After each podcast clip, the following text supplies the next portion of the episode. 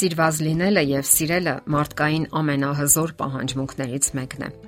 Այն հաճախ է սահմանում մարդու ողջ կյանքը։ Սա հավասարապես վերաբերում է թե երիտասարդներին, թե հասուն մեծահասակներին։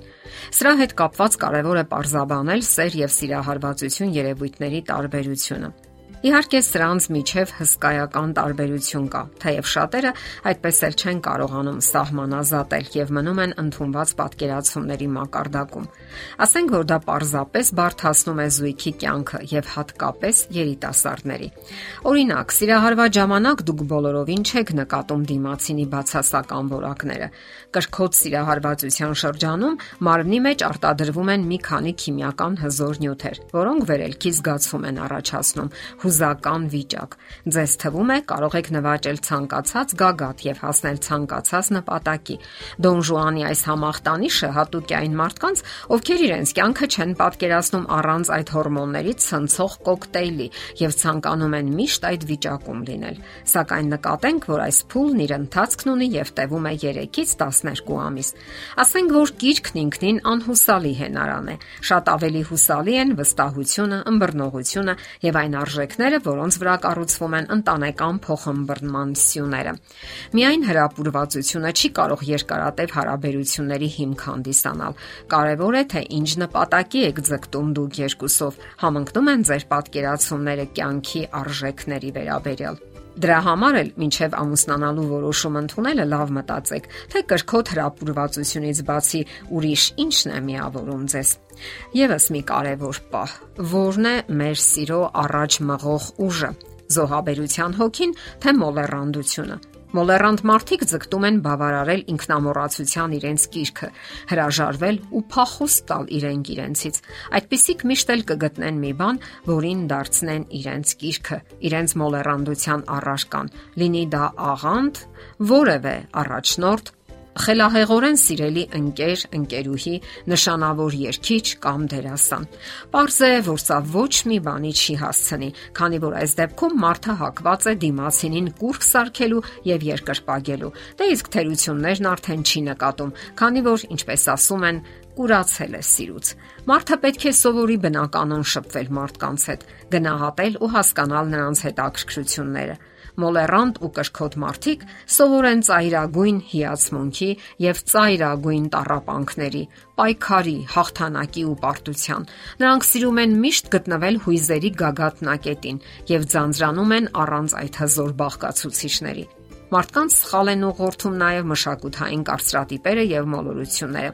Դրանք ներշնչում են, որ սիրո խորությունը պետք է չափվի տարապանքների ուժգնությամբ եւ որ իսկապես սիրում են միայն նրանք, ովքեր իսկապես տարապել գիտեն Սակայն հաստատ է, որ ներքին հակասությունները, տարապանքը, թախիցը չեն նպաստում կայուն, նուրբ եւ երկարատև փոխհարաբերությունների զարգացմանը։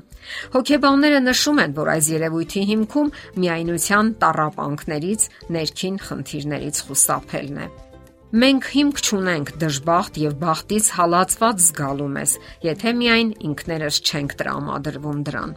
Դժբախտ սերը մեր ընտրության արդյունքն է։ Մենք պետք է հիշենք, որ կատարյալ մարդիկ չեն լինում եւ կարիք չկա տարապելու թեր արժեքության հիվանդությամբ։ Կյանքում միշտ էլ կլինեն դժբախտ կամ ճնշված զգալու առիթներ։ Ինչ որ մեկի համար դեմքի բշտիկն արդեն դեպրեսիայի առիթ է։ Մյուսը վստահաբար կրում է կյանքի ամենացավոտ հարվածները։ Մենք ի վիճակի չենք կատարյալ լինելու եւ իրավունք էլ չունենք դիմացինից սпасելու, որ համապատասխանի մեր իդեալներին։ Հումորով ասենք, որ ռաֆինացված, զտված սեր չի լինում։ Գոյություն չունի այնպիսի սեր, որ մաքրված լինի բոլոր թերություններից։ Իսկական սերն անցնում է փորձությունների ու հասունության դպրոց։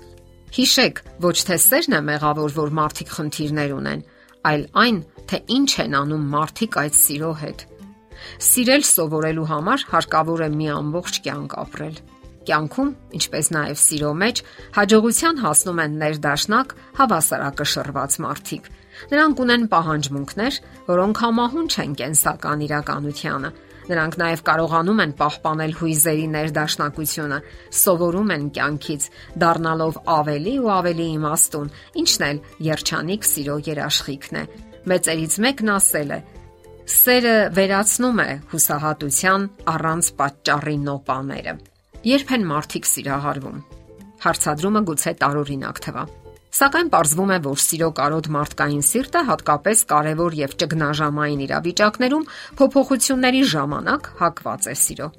Օրինակ, երբ նոր աշխատանք եք գտնում կամ մի քաղաքից մյուսն եք տեղափոխվում։ Սթրեսային իրավիճակում ուղեղը փորձում է հարմարվել, յուրատեսակ ապաստարան որոնելով սիրո մեջ։ Հաշվի առեք, որ վտանգավոր ժամանակները նույնպես տրամադրում են ուղեղին, որ սեր որոնի։ Իսկ այժմ մի փոքրիկ հատված գեղարվեստական գրականությունից։ Թող ձմեռային սառնաշունչ քամիները փչեն մեր կյանքի ընթացքի վրա։ Ես այնքան տաք եմ քո սրտի խարույկների մոտ։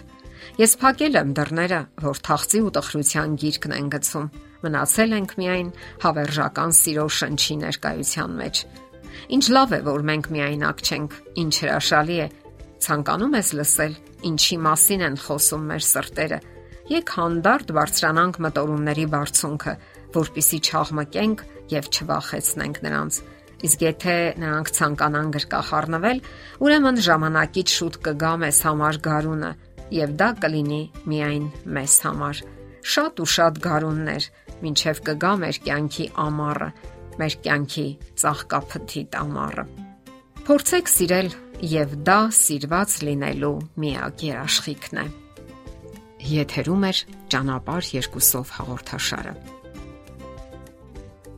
Հարցերի եւ առաջարկությունների համար զանգահարել 033 87 87 87 հեռախոսահամարով։